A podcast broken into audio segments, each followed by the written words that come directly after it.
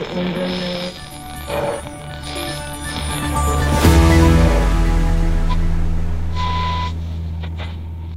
och välkomna till 6 minuter, en nyhetspodd i kortformat från tidningen Arbetaren, där vi kort sammanfattar den gångna veckan. Ni kan läsa oss på arbetaren.se och följ oss också gärna på Facebook. Det skandalomsusade byggföretaget Nordiska Golv har vid flera tillfällen lurat det så kallade ID06-systemet som är tänkt att stoppa svartarbete på svenska byggarbetsplatser.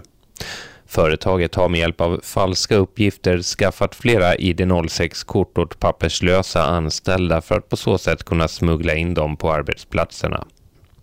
Nu står bolaget bakom kontrollsystemet i begrepp att agera. Det är ett pågående bedrägeri och det kan vi inte tillåta, säger Anders Ording som är bolagsgranskare på ID06 till Arbetaren. Vi har också återigen sökt Nordiska Golvs vd Christian Erdal för en kommentar men han har valt att inte svara. Läs mer om hur Nordiska Golv gått tillväga med sitt omfattande fusk och flera andra uppmärksammade granskningar av det skandalomsusade byggföretaget på arbetaren.se.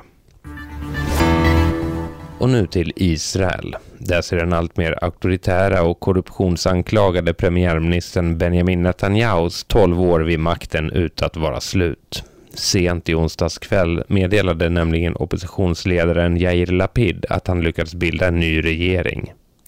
Men det är en brokig skara partier som ingår och enligt Anders Persson som är Mellanöstern-expert vid Linnéuniversitetet i Växjö så är det långt ifrån säkert att regeringsbildandet lyckas vad jag kan se så är detta här en av de mest oheliga politiska allianser som den demokratiska världen har sett i modern tid. Liksom. Israelisk vänster, mitten, höger, även liksom radikal höger, rasistisk höger och så då ett islamistparti inspirerat av Muslimska brödraskapet i, i knät på allihop. Så det är verkligen en ohelig allians.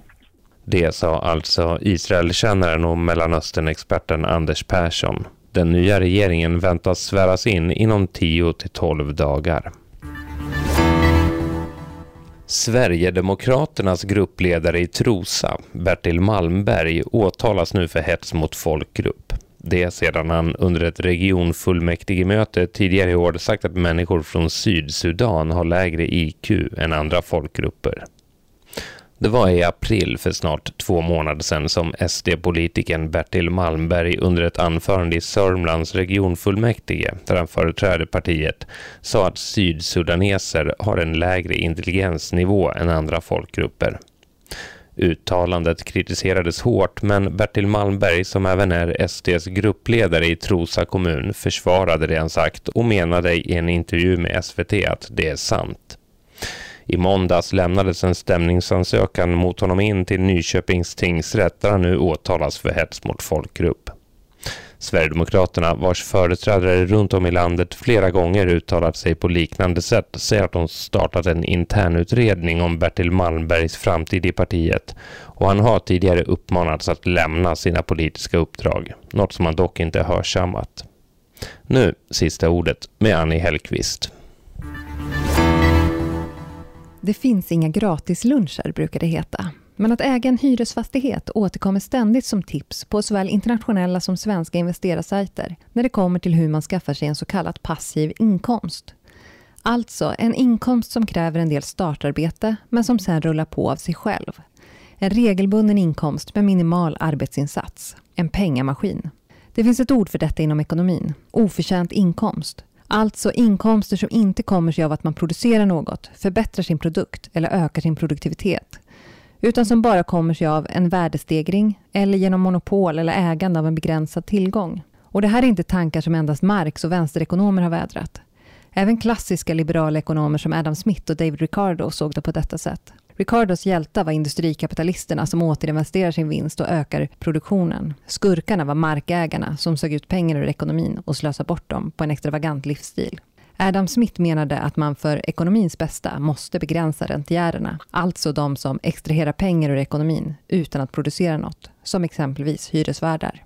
Vissa skulle mena att denna situation inte råder i Sverige då vi har en hyresreglering. Men att äga hyresfastigheter i Sverige är trots det ingen dålig affär. Hyresgästföreningen har i 14 år tagit fram rapporten Är det en bra affär att äga ett hyreshus? privatvärdars ekonomi i södra Skåne och konsekvent visat att svaret på den frågan är ja. I senaste rapporten kunde de visa att vinsten per hyreskrona ligger på 24,2 procent. Drömmen om att tjäna ännu större pengar medan man sover kommer närmare med marknadshyror. Att förvalta en fastighet blir inte dyrare bara för att området blivit populärare och hyrorna därmed kan höjas. Det enda som händer är att vinsten ökar. Mer pengar rullar in, utan att mer arbete har lagts ner. Pengamaskinen tickar på. Frågan är om det är hyresgäster och våra skattepengar som via bostadsbidragen ska betala för den lyxen.